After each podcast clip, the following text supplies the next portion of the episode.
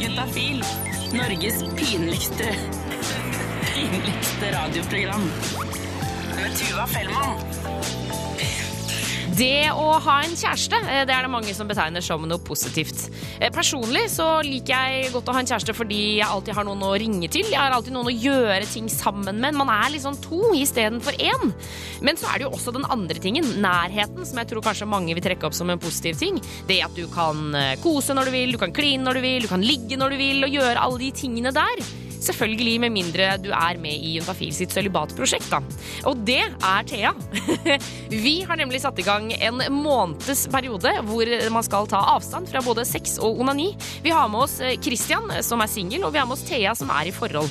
For tenk deg det, da, når du bor sammen med kjæresten din, eh, og dere er vant til å kunne ligge akkurat når dere vil, men så kan dere plutselig ikke det, og så er det to uker igjen.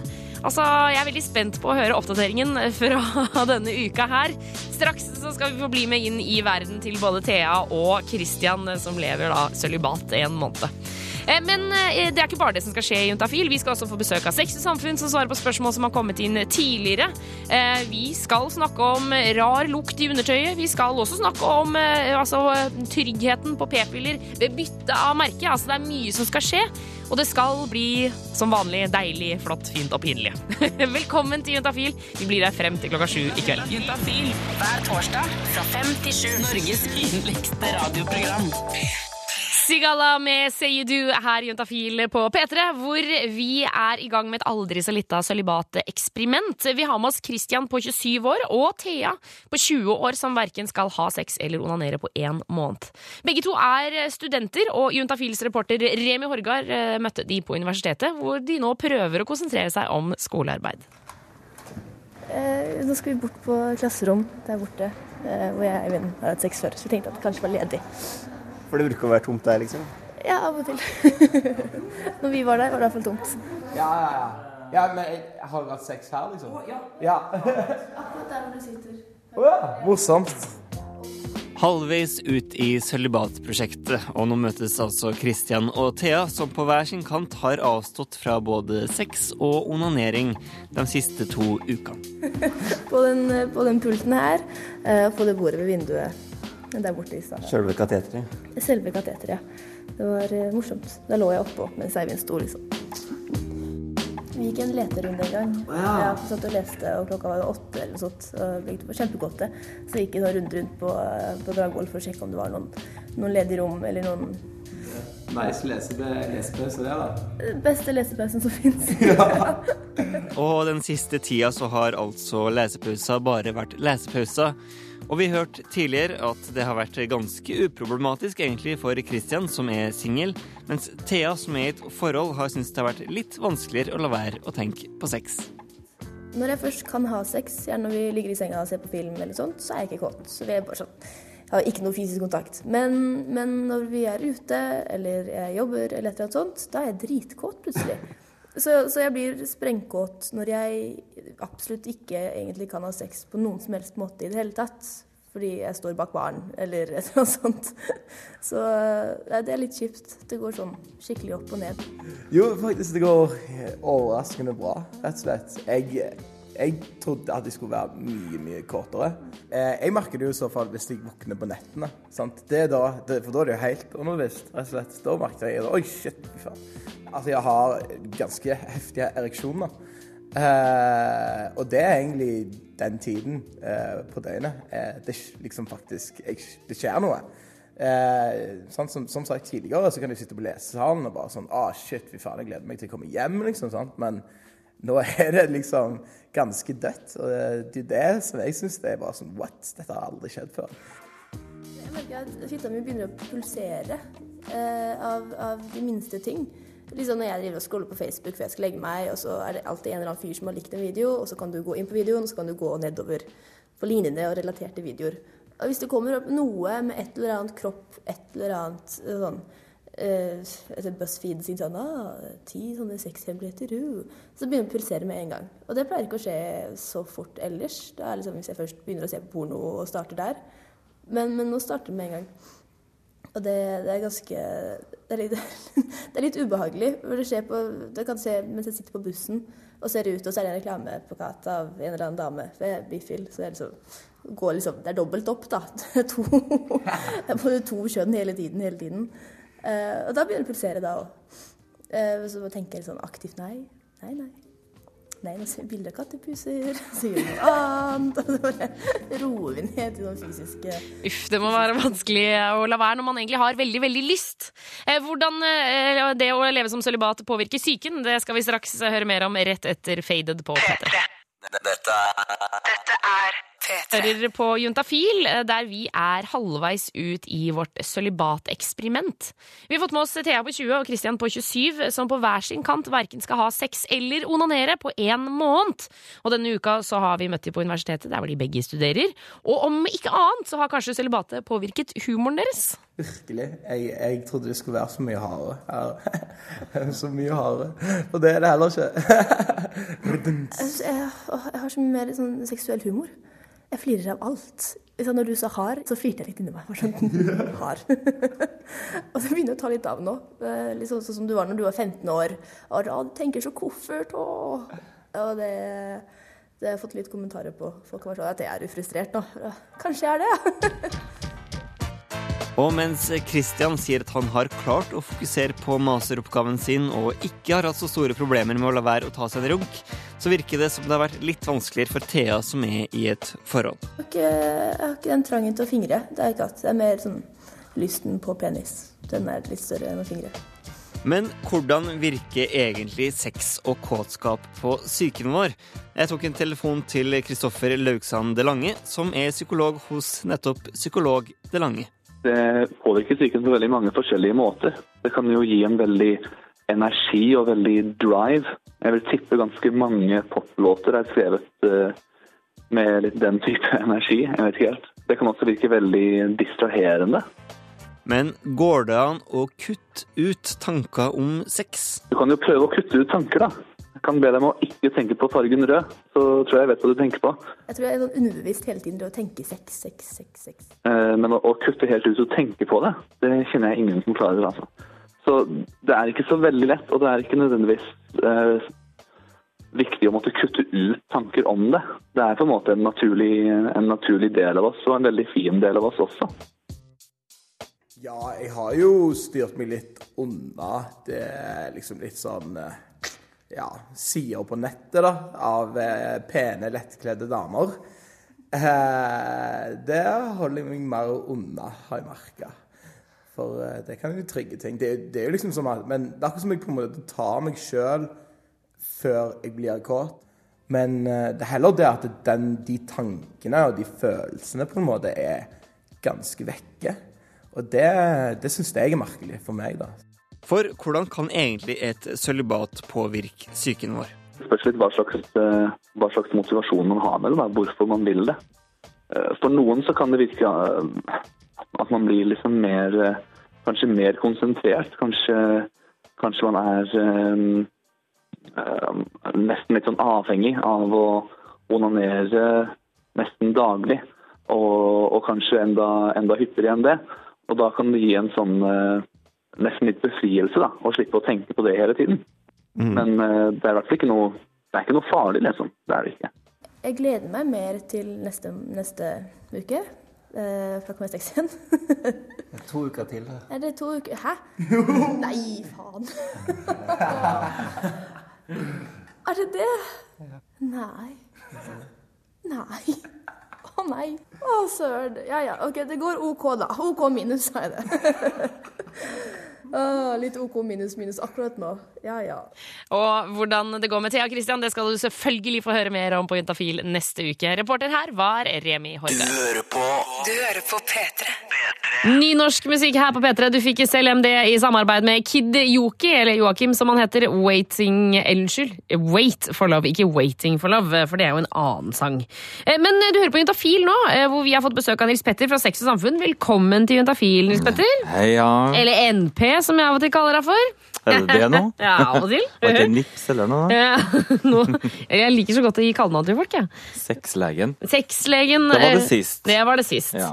Eh, Du svarer på spørsmål eh, som har kommet inn til Juntafil tidligere. Hvis man har et spørsmål, kan du også stikke inn på sexogsamfunn.no og stille det der. Det er en chat som er oppe til klokka åtte i kveld. Skal vi bare fyre løs, eller, på, på SMS-er som har kommet inn? Klart vi skal det. Det står Hei, de siste fire månedene så har det begynt å lukte surt av undertøyet mitt. Eh, Kanskje allerede etter en halv dag. Spesielt i dagene jeg er aktiv, så er denne lukten ganske markant. I tillegg urinerer jeg oftere enn jeg må tidligere. Etter urinering kommer det ofte en lett svie fra penishodet. Hva kan dette komme av? Hilsen gutt 22. Hmm, det er litt sånn derre Noen ganger så er det så deilig å bare ha sånn kjempeklart, tydelig sånn bang-svar. Ja. Eh, men det her føler jeg ikke var helt sånn. Du, altså, du, har ikke, du har ikke et klart og tydelig svar? Nei. Um, så bare si at det har jeg ikke. Nei. Nei, men eh, vi kan prøve å pludle litt rundt det, da. Mhm. Altså det at den tisser litt oftere, da. Så tenker jeg, ja, Kan det være en urinveisinfeksjon på en eller annen måte? Det er jo det som jeg tenker litt på, i hvert fall at den sier at det svir litt eh, sånn på slutten av vannlattinga. Så kan det være et eller annet endring i bakteriefloraen som gjør at det også blir litt mer sånn stram lukt av urinen. Og så kan det være eh, at det også setter seg litt i undertøyet, ikke sant. Mm. Så og han er 22 år, og da er det veldig uvanlig at man har en sånn såkalt blærekatarr, sånn som ganske mange jenter har. Ja. Eh, Hvorfor er det uvanlig hos gutter istedenfor hos jenter? Jo, fordi at det er så mye lengre vei fra tuppen av urinrøret helt opp til blæra til gutta. Å ja, Det er derfor det blir for langt for bakteriene å reise. Okay. Ja, så de gjør ikke det. Men eh, så ofte da så dreier det seg mer om en sånn uh, urinrørsbetennelse enn en blærebetennelse. Så, og da er det oftest klamydia det er snakk om. Eh, til gutta i hans alder. Mm, nettopp. Mm, så vi skal ikke se helt bort ifra den. Det kan være klamydia, rett og slett. Det kan være klamydia. Eh, så jeg ville få sjekka det. Det kan jo være andre ting eller andre bakterier og noe annen ubalanse. Det kan jo godt være, men det kan være greit å få sjekka ut det, da. Ja, ok, så Så er det uansett, egentlig, tenker jeg. Ja, eh, her, må man, her høres det ut som du skal en tur til legen. Ja, ta en, eh, Hvis at det er noen mulighet for at det kan være klamydia, teste for det. Hvis at det er helt utelukka, så i hvert fall få ta en sånn eh, urinprøve. Ja. Eh, og sjekke den, og så eh, ja, se, få legen til å titte litt. ja. Ja. Titte litt, ja. Det høres jo litt skummelt ut når du sier det. da. Det er jo et følsomt område. Hvordan er liksom sånne typiske undersøkelser når det går, til, eh, når det går på penis? Men da- altså, det går jo rykter om noe stikking av greier opp i penishodet, og det er jo ikke måte på. Nei, vi har slutta med det. Okay. Ja, det er lenge siden. Men eh, det, sånn enkelte gang, hvis at vi eh, blir veldig nysgjerrig fordi at det er grunn for det, så kan man ta en sånn prøve fra tuppen av urinrøret hvis man har mikroskop tilgjengelig. Så kan man faktisk titte der og så se om man ser sånne betennelsesceller eller ikke. Okay. Men det er bare på tuppen, så ingenting skal dyttes inn i urinrøret. Okay. Det- er greit. Jeg ikke- har, har hørt noen sånne skrekkhistorier innimellom, eh, så jeg hører at det er noen som ikke er helt ferdig med det, men det trengs ikke, altså. Ok. Gutt 22, kom deg til legen og sjekk ut dette her. Og eh, som Nils Peder sier, klamydia kan det jo være, så start i hvert fall med en klamydiatest. Hvor vi fortsatt har besøk av Nils Petter fra Sex og Samfunn, som svarer på alle spørsmål eh, som har tikka inn til Juntafil tidligere. Eh, Og Nils Petter, man kan også stille spørsmål inn på sexogsamfunn.no. Ja da, det kan man. Ja, ja, ja, Det er en chat som er oppe til frem til klokka åtte. Um, men jeg tenkte vi skulle ta en vi har fått inn her nå, hvor det står Hei, Juntafil. Har en venninne som betrodde seg til meg om at hun har blitt voldtatt. Hva mer kan man hjelpe, i tillegg til å støtte henne? Eh, tar det også selv veldig tungt. Eh, og det står ikke noe kjønn her, eller alder eller noe sånt noe. Eh, så det kan vi jo Jeg har kanskje ikke så mye å si, men poenget her er at det er en venninne som har blitt voldtatt, og, og hva skal man gjøre da? Eh, Det er jo et veldig viktig spørsmål, Eh, så det her kan nok nå til ganske mange. Fordi det er faktisk eh, flere enn vi liker å vite som har opplevd voldtekt. Mm. Både gutter og jenter, når det er sagt. Så det, er egentlig umulig å ha en sånn oppskrift hvordan man kan hjelpe, fordi det er så individuelt ut ifra hva en person faktisk har opplevd. Eh, og det er veldig fint også å være en venn som kan støtte. Eh, og det tenker jeg kanskje det første man egentlig kan spørre om, er egentlig hva kan jeg gjøre for deg? Altså hvordan, hvordan vil jeg skal hjelpe deg? Hva, er det du vil at jeg skal kan gjøre for å gjøre det litt enklere for deg? Eh, det kan være sånn åpningsspørsmål, fordi det er så vanskelig å vite hva hva et voldtektsoffer ønsker å snakke om ønsker å dele, og trenger hjelp til. Fordi vi har alle helt forskjellige forutsetninger og har eh, forskjellige ønsker om hvilke ressurser man vil ta i bruk når sånne ting har skjedd. Um, men det, fin, altså det er jo en del praktiske ting. Jeg tenker Rundt en voldtekt så er det jo For det første så er det veldig viktig at man får oppsøkt lege. Eh, både for at det faktisk skal dokumenteres at eh, det har eh, skjedd et overgrep. Mm. Det er også viktig i forhold til en rettslig oppfølgelse at det faktisk også er dokumentert. Og så ikke minst for at man, i hvert fall hvis at det nylig har skjedd, at man får mulighet til å ta undersøkelse. Eventuelt sporsikring, bevissikring. Også for å ta en undersøkelse for å se om det er noe skade på, på kroppen. Eh, på kjønnsorganer osv. Ja, og man må jo sjekke for sykdommer ja, og sånne ting. Test, teste for seksuelt overbare sykdommer infeksjoner, det er viktig. Eh, teste for eh, også mulig graviditet. Eh, også viktig. Eh, og igjen også så kan man få en god del eh, både støtte og tips også fra legen. Altså hvor er det man kan henvende seg videre. Det finnes jo en del organisasjoner som er ute for å hjelpe. Du har bl.a. Dixie Senter for, for voldtektsofre, ja. som man kan ta kontakt med. Og så er det jo overgrepsmottaket hvis man f.eks. bor i Oslo. Så er det et eget overgrepsmottak som man kan oppsøke og få hjelp uansett hvor lang tid det har gått etter et overgrep. Ikke sant. Og hvis det har skjedd nylig nylig så er det det man sier at eh, du ikke skal f.eks. dusje. Altså hvis det, hvis det, skjedde kvelden før, at man skal reise rett til legen for å, å liksom ta vare på bevis av DNA og sånne ting. Mm. Um, men uh, så, så, hvis vi har de praktiske tingene på plass, da ja. er, Altså, hvis personen liksom ikke vil snakke om det, si, hvis jeg forteller til deg Nils Petter, at jeg har blitt uh, misbrukt seksuelt, jeg har blitt voldtatt, mm. uh, men jeg har ikke så lyst til å snakke mer om det, skal man si at det er greit, eller skal vi liksom jobbe for å si men la oss prøve lite grann? Eller hvordan skal man gjøre det? Det spørs om en person har behov for å snakke om det, mm. men det viktigste Vis respekt for hva et menneske ytrer av ønske. Altså Man skal ikke, skal ikke, pushe for mye. Og det kan være mange grunner til at man ikke ønsker å snakke om, eh, om, om ting akkurat til å begynne med.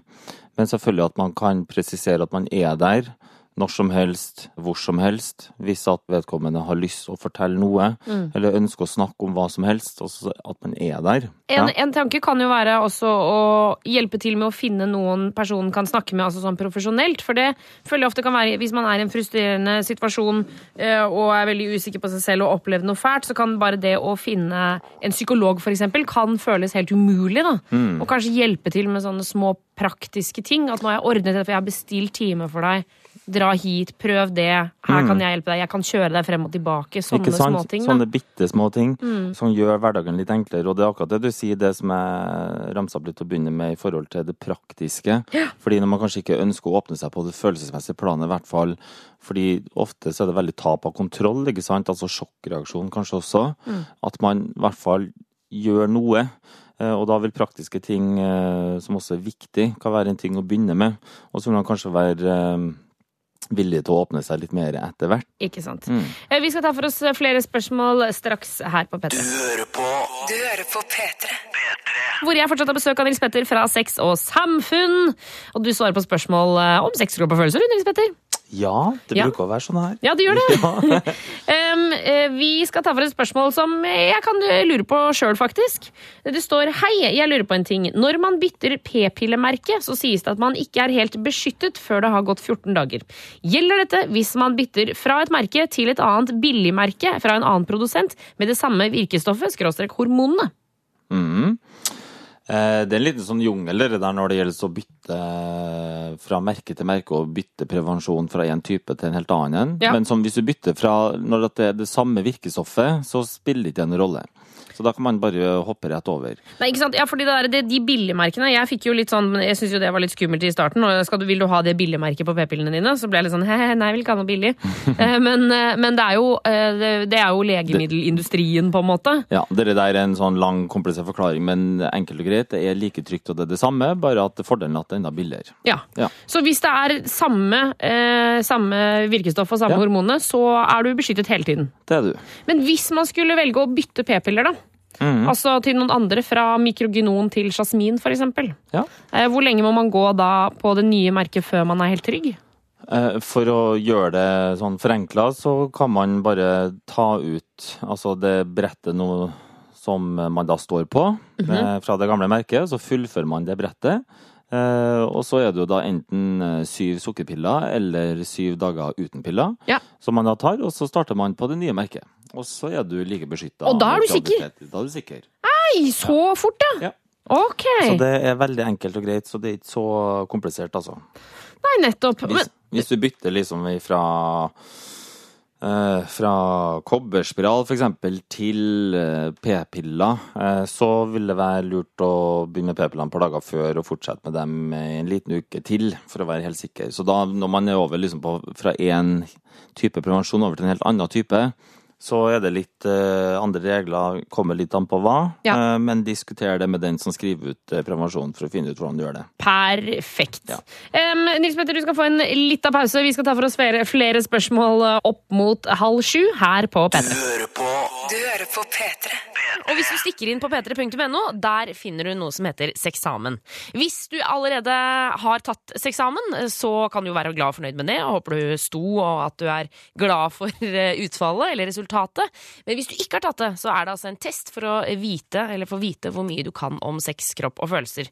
Vi har nå fått besøk av to jentene som du kan se inne på p3.no gjennom seksamen. Det er Dina og Marie. Velkommen til Juntafil. Tusen takk. Takk for det. Dere er jo en av de to som sitter og diskuterer rundt alle disse spørsmålene. eh, Blant annet om jenter kan få ereksjon, og eh, om gutter har mer sexlyst enn andre. Har det vært vanskelig å være med, eller var det vanskelige spørsmål?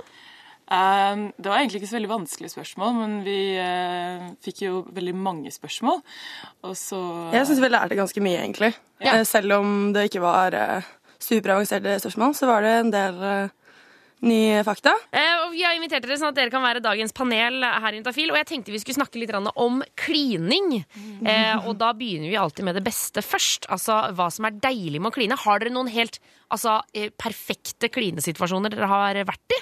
um, Jeg tror en opplevelse jeg husker veldig godt, var da jeg var sånn 15-16 år. Så det er jo noen år siden nå. Og jeg og noen venninner var på en fest eh, ganske langt unna hjemmefra. Og så var vi på Maranda, og så plutselig så jeg en kjempekjekk fyr, og jeg tenkte bare hei, hei.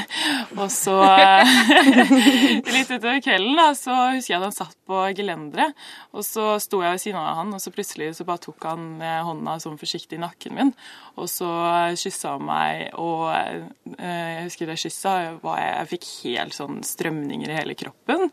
Og jeg, det er litt vanskelig å si hva han gjorde sånn spesielt som fikk meg til å føle meg sånn, men jeg tror veldig den måten han approacha meg på, veldig langsomt og veldig eh, sexy, da. Og så måten han kyssa meg på, det var liksom veldig myke lepper, og det var ikke sånn eh, for mye tunge eller for lite av noe, men det var veldig Ja, det var digg. Men kan det ha noe med denne hånda i nakken? For den tror jeg liksom, jeg tror det kan være utslagsgivende. da. Ja, jeg tror det, for da blir du litt mer sånn obs på at å ja, han vet kanskje hva han driver med, så nå er det bare å sette seg tilbake og slappe av, for han kan ta styringa. Ok, Så, så hvis vi skal få et tips fra deg, da, så er det liksom litt rolig approach Ja. eh, og myke lepper. Men, og liksom eh, spytt og sånn, var det mye av det, eller var det Nei, det var ikke så mye av det, altså. Da, Ok. da tror jeg, fordi at jeg hadde jo ikke møtt han før, så hvis det hadde vært veldig mye spytt, så tror jeg kanskje jeg hadde blitt litt satt ut. brått over i noen rare greier? Ja. Ok, Hva med deg, Marie? Har du noe perfekt klinhistorie? Jeg vet ikke om jeg kommer på noen sånn spesifikk historie, men jeg vet hva som skal til for at uh, det eventuelt skal funke. da. Ok. Uh, jeg mener at uh, ofte kjemi mellom to personer også har mye å si for hvordan kliningen blir. Hvis man eh, ikke har noe god kjemi, så kan man ofte merke på at det ikke fungerer, og da kan det bli litt kleint, eller det kan bli tørt, eller det kan bli eh, type eh, vasketrommel, eller Vasketrommel! ja, ja, det er jo mange Altså, jeg vet ikke. Men jeg er helt enig med Dina. Rolig approach. Um, bruke hender. Um, kontrollert. Myke lepper.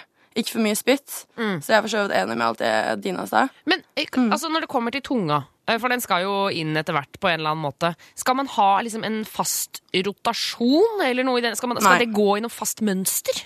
Det er noen gutter som tenk, tror at det skal være tungefekting. Ja, ja. Det er en veldig stiv og veldig ivrig tunge som eh, kommer veldig fort inn. Og, Det funker sjeldent. Det funker sjelden. Så tungefekting, det, that's a no-no. Men hva skal man gjøre med tunga, da? Skal den ikke inn i det hele tatt? Jo, det er liksom uh, Litt og litt, kanskje. Forsiktig. Litt og litt, Um, ja. For man skal jo ikke være redd for tunga heller. Eh, hvis, Den er jo viktig. Hvis ikke man har veldig forbi fobi for bakterier, da. Men da bør man ikke kysse i det hele tatt. Men eh, nei, jeg tenker at eh, starte uten eh, tunge i starten, og så kanskje litt eh, forsiktig etter hvert. Mm.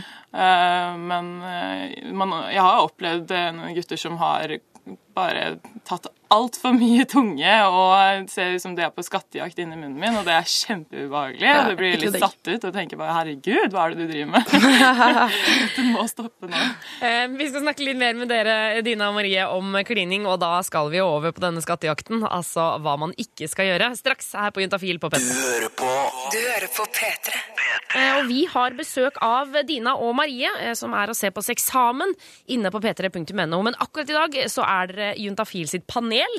Det var veldig hyggelig å ha dere på besøk. 20 år begge to. Jeg har glemt å spørre om dere er single, og om dere er hetero eller lesbiske. Ta et par ord om dere sjøl. Dina, vi starter med deg. Eh, jeg er eh, Jeg har faktisk fått meg kjæreste for første gang i, i livet mitt. Er det sant? Ja, så jeg er veldig fornøyd med det. altså. Kult. Mm. Er, det, er du hetero? Eh, Lesbisk? Bifil? Jeg er hetero. Hetero. Ok, Marie, hva med deg? Par ord om deg selv. Jeg er singel. Det har jeg vært en stund også. Og eh, jeg er heterofil. Ok. Og vi snakker om klining i dag. Vi har jo vært innom ting man burde gjøre. Men nå skal vi til ting man ikke burde gjøre. Marie, altså ditt verste klin. Kan vi få høre om det? Ok, Det må ha vært eh, på Tryvann i russetiden, faktisk. Det begynner å bli et par år siden nå. Men eh, da hadde jeg en liten klinesession med en kar. Eh, Dina har faktisk filma det. Og han det? var helt uh, sinnssyk med tungen. Altså. Han bare peisa den på og suttet på tungen, og det var ikke måte på. Han Jeg ble Herre, helt satt ut. Suttet på, tungen, på tunga di? Ja, ja, ja. Han tok din tunge inn i munnen og Ja. suttet på den? Ja. Jo. Det var en skikkelig spesiell opplevelse. Um, eh, ja. Men, men hva gjør du da når, når det blir så dårlig klining? Altså, trekker du deg unna, dytter du vekk, eller sier du fra sånn hei, ro ned på den tunga, liksom? Jeg tror det kommer an på hvilken person det er, og hvilken situasjon. Mm. Eh, hvis du føler deg Hvis du kjenner personen, eller føler eller hvis det er en total fremmed, så er det jo kanskje greit å si fra også. Men hvis det er en person du liker, så er det kanskje litt vanskelig å si 'hei, du suger å kline'. Det kan jo være litt sårende. Ja, man skal Ja. være litt forsiktig der. Mm. Men Dina, du som nettopp har fått deg type, er, altså, snakker dere om klining? Uh, egentlig ikke så veldig mye, altså. Men jeg tror kanskje begge to syns hverandre er flinke, så det er ikke noe poeng å snakke om det. Men, eh, nei, men jeg tror at hvis, eh, hvis ikke jeg hadde likt eh, hvordan han kyssa meg på, i lommen, så tror jeg selvfølgelig jeg hadde kanskje sagt ifra. Fordi eh, jeg har faktisk fått den kommentaren for eh, noen år siden. At det var en gutt som sa til meg at Dina, du er ikke så veldig flink til å kysse. Nei. Og jeg bare Oi, dæven. det var ikke hyggelig. Nei, det var, det var liksom stikk i hjertet. Og så tenkte jeg at eh, OK, da må jeg kanskje øve litt, da. Og så, og så leste jeg litt om på nettet hvordan en flink kysser er og sånne ting. Og det jeg fant ut, da var at når jeg var med han, så var jeg egentlig bare veldig nervøs. Jeg ble veldig anspent i leppene. Ja. Og da ble det liksom ikke så veldig naturlig heller. Eh, men jeg, og da skjønte jeg at ok, jeg må bare slappe av litt. Men nei, med meg og kjæresten min så går det veldig fint, altså. Men jeg, jeg tenker sånn, nå som du har fått den kommentaren da, fordi jeg, jeg føler for min del hadde jeg sikkert blitt veldig sånn, jeg hadde blitt veldig opptatt av hvordan jeg var når jeg kyssa i etterkant. Ja. Har du liksom klart å legge det fra deg, eller tenker du fortsatt på det, liksom, å, hvordan er jeg når jeg kysser nå? Nei, vet du hva, jeg har egentlig lagt det fra meg. Fordi at uh, i starten så tenkte jeg litt over det, og så tenkte jeg at kanskje han Ja, jeg vet ikke hvordan fyr han var, eller hva han liker. Sikkert en dårlig fyr. Ja, helt sikkert en garantert. dårlig. Men, Dårlig smak. eh, Ja, Ja, ja, dårlig ja, smak ja. veldig dårlig smak. Men jeg greide å legge det fra meg ganske fort, altså. Så, fordi, ja, det var jo egentlig bare det at jeg måtte slappe av litt mer, tenkte jeg. Ikke sant. Eh, Dina og Marie, eh, dere er å se inne på p3.no gjennom seksamen. Tusen, tusen takk for at dere kom innom Juntafil i dag. Ja, Takk for oss. Dette er Og det er Juntafil du hører på, hvor vi har fått Nils Petter fra Sex og Samfunn tilbake i studio. Velkommen inn igjen, Nils Petter. Og takk. Du svarer på spørsmål eh, som har kommet inn tidligere til Juntafil, og de dreier jo seg om sex, kropp og følelser, og det er jo det du er ekspert på, så dette passer perfekt, vil jeg si. Ja, så fint. Som hånd i hanske. Ja, vi får bare fortsette på det, vi. Ja, ja, ja. Nå tenkte, jeg hadde egentlig bare lyst til å si som hånd i runkehanske, bare fordi at det er Juntafil, men holdt meg for god. Du Sa hånd i rumpe. Ja, hånd i rumpe kunne det også vært. Um, vi har en SMS her som jeg tenkte vi skulle ta. Eh, Hei, jeg har tenkt mye på å sterilisere meg. Hvordan kan jeg gjøre dette på en god måte? Via fastlegen eller privat? Pris og ventetid. Hilsen mann 26 som er fornøyd med to unger. Ja. Tenk hvis du vil ha flere unger seinere, da! Herregud, Tenk om det! Tenk om du gifter deg på nytt, og så får du en eh, yngre kone som eh, vil ha masse unger. Er ikke det typisk? Det er litt typisk, og det er ikke så veldig sjeldent heller, det. Eh, så vel, man får ta sine valg og vurdere dem nøye. Ja. Og tenke gjennom litt forskjellige scenarioer. Så hvis man vil det, så, så kan man gjøre det. Ok, så da, da, Nå tar vi høyde for at uh, mann 26 har tenkt godt gjennom dette her, har bestemt Godt og seg. grundig, ja. Ikke sant? Og er voksen nok til å realisere seg fordi han er over 25. Ja, for det, er det aldersgrense? Mm, Oh. Ja. Ok, så du har akkurat eh, vippa, vippa over. Skal man gå til fastlegen, eller skal man gå privat, syns du? Vet du, Det kommer an på økonomien, altså. Fordi eh, i det offentlige så er det fryktelig lange ventetider. Eh, så man kan lett ende opp med å vente et år eh, fra det blir henvist til du får innkallelse. Eh, og i det offentlige så er det en egenandel på en sånn 1200-1300 kroner. Mhm. eh, hvis du går privat, så kjenner de dem på de forskjellige instituttene, men det ligger sånn ja, mellom 5000-6000 cirka. Ok, ja, det er ikke mer. Jeg tenkte det- kanskje det var mer, jeg. Nei, det er ikke noe sånn svimlende forskjell, eh, fordi det er ganske sånn enkelt inngrep som tar ganske kort tid. Ja. Tar kanskje sånn et kvarter. Eh, Så det, det kommer an på økonomien. Eh, Det spiller ikke noen rolle egentlig om du gjør det i det offentlige eller privat. Det spørs hvor, langt, hvor utålmodig er du, Mm. og hvor prekært er det. Er det liksom krise å få et barn til, så kan det kanskje være verdt pengene å gjøre det privat. Eh, Da kan det også være verdt eh, penger å bruke kondom, da. sånn. ja, så lenge den ikke sprekker alt det der. Ja, ja, ja. ja, ja. Um, nei, ok, så, så det er på en måte Har du spenn, så gjør du som du vil, på en måte, men, men det er en liten egenandel hos, uh, i, i det offentlige også. Mm. Men jeg lurer sånn på, hva er det man egentlig gjør? Eh, man går egentlig inn bare med sånn eh, lokalbedøvelse og legger et lite snitt på hver side av pungen, og så klipper man av sædlederen. Ja, men, og, man kan ikke, du kan ikke undo it, liksom? Eh, jo, eh, det er en Som sagt, jo da flere som angrer seg, da, så de vil jo gjerne prøve å få det reversert. Eh, det er jo vellykka noen gang, men jeg skal ikke ta høyde for at det er noen sånn, eh, noen sånn god retrettmulighet. At man steriliserer seg, og så kan man jo like gjerne reversere det om eh, 15 år hvis noen bestemmer seg. Det, det er ikke noen sånn god eh, Ikke noen gode odds for at det funker. Ok, Så man skal ikke ta høyde for det, på en måte? Nei. Men eh, nei, ok, Jo så lengre tid det går, jo lavere sjansene også. For at det er vellykka hvis man skal reversere det, da. Å ja, det blir som på en måte et eh, hakk i eh, jorda, og så gror det sammen etter hvert, liksom? Desto lengre tid du har, desto mer gress kommer det, og da går det ikke an å gå gjennom? Jo, ja, interessant ja.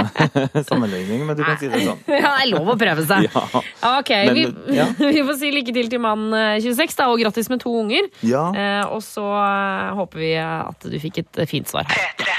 Dette er P3. Og det er Juntafil som tikker og går her på P3. Hyggelig at du hører på. Og eh, vi har besøk av Nils Petter. Hyggelig at du er her, Nils Petter. Hyggelig å være her, Du var. Du er fra Sex Samfunn, som er en gratisklinikk som ligger i hovedstaden. Ja.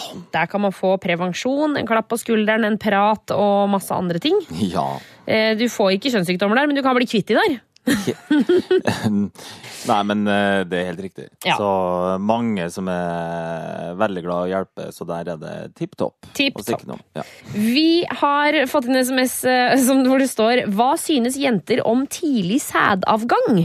Og det står ikke noe eh, Det står et navn her. Eh, Det det er en gutt, da, kan jeg si. ja, OK. Men jeg vet ikke hvor gammel han er. Nei.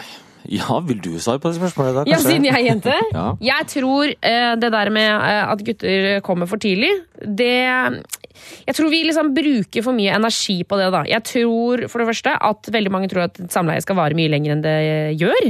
Altså, Er det ikke sånn gjennomsnitt tre minutter eller noe sånt som er uh... Ja, det, er veldig forskjellig liksom hvilke studier man eh, Det er for så vidt interessante studier å gjøre det, da. Ja, ja det, absolutt. absolutt. Men eh, sånn rundt fire, fire minutter, kanskje? Ja. Selve samleiet, ja. Men også liksom, irriterer jeg meg litt over det når, når både gutter og jenter er frustrerte over det. For det, det er jo så mye annet med sex man kan gjøre som ikke nødvendigvis er liksom, hardpenetreringa. Man kan jo gi oralsex, du kan gi det med, kan med hendene, det kan koses, det kan klines. Altså, jeg, jeg føler at vi som samfunn er så fokusert på den penetreringa! Ro ned på penetreringa! Det var ikke det han spurte om. Nei, jeg veit det. Ja, altså fordi at tidlig sædavgang det kan man også ha øh, uansett ved seksuell stimulering. Men det er altså da, øh, som du sier, det er riktig at det er veldig mange som Eller sa det? Det er veldig mange som tror at man har det. eh, Sånn per definisjon, Ja. uten at det stemmer. Ja. Det gjelder eh, nesten halvparten, faktisk. Ikke sant? Eh, fordi eh, sånn per definisjon så er det hvis at du kommer før det går to minutter. Da, Da er det tidlig. Da er det tidlig. Eh, og så er det spørsmålet om det har vært sånn alltid hele livet, eller om det har oppstått etter hvert. Og om det er noe som skjer av og til, eller hele tida. Og om det er en helt ny kjæreste. Eller en ny person man ligger med. Ikke sant? Så Altså, da kan det kanskje være nyoppstått, eller at det da skjer innimellom. Eh, Så da er det forskjellige behandlingsmetoder akkurat for det, litt avhengig av når det oppsto, og hvor ofte det skjer. Mm. Eh, så må man finne ut om det egentlig er det, eh, per definisjon, da. For som sagt, ofte er det ikke det. Ja. Men eh, Altså, som du sier, ser litt bort fra penetrering, fordi det går også litt på å bruke litt mer tid på ikke berøring på penis også. Som gjør at man flytter da fokus. Og så kan man også bruke litt sånn start-stopp-teknikk. At man klemmer på den der strengen bak eh, på penishodet når man kjenner at det begynner å nærme seg. Ja. Og så klemmer man der, og så fortsetter man, og så kan man gjøre det flere ganger før man faktisk velger å få utløsning. Ja. Som en sånn treningssak. Ikke sant? Ja. Jeg tenker at, eh, at eh, hvis man er bekymra for hva jenta syns, og man er bekymra for å komme tidlig, så syns jeg at man bare eh, gir jenta noe annet å tenke på. Ja, Gå ned på henne, for eksempel. Sant? Det blir ikke noe tidlig sædavgang da. Eller altså Med mindre du er spesielt tent på å gå ned på jenter, så kan det hende at du kommer av det. Men, men at liksom gjør noe annet, sånn at eh, det ikke handler om det ett og et halvt minuttet. Men at det er masse annet som skjer for jenta. Da er det ikke sikkert at hun bryr seg noe særlig om det i det hele tatt. Mm. Tenker ikke tanken engang. Ja. Ok, skal vi, skal vi, si? Skal vi si det? Var det et svar? Ja, det Jeg vil jo si det.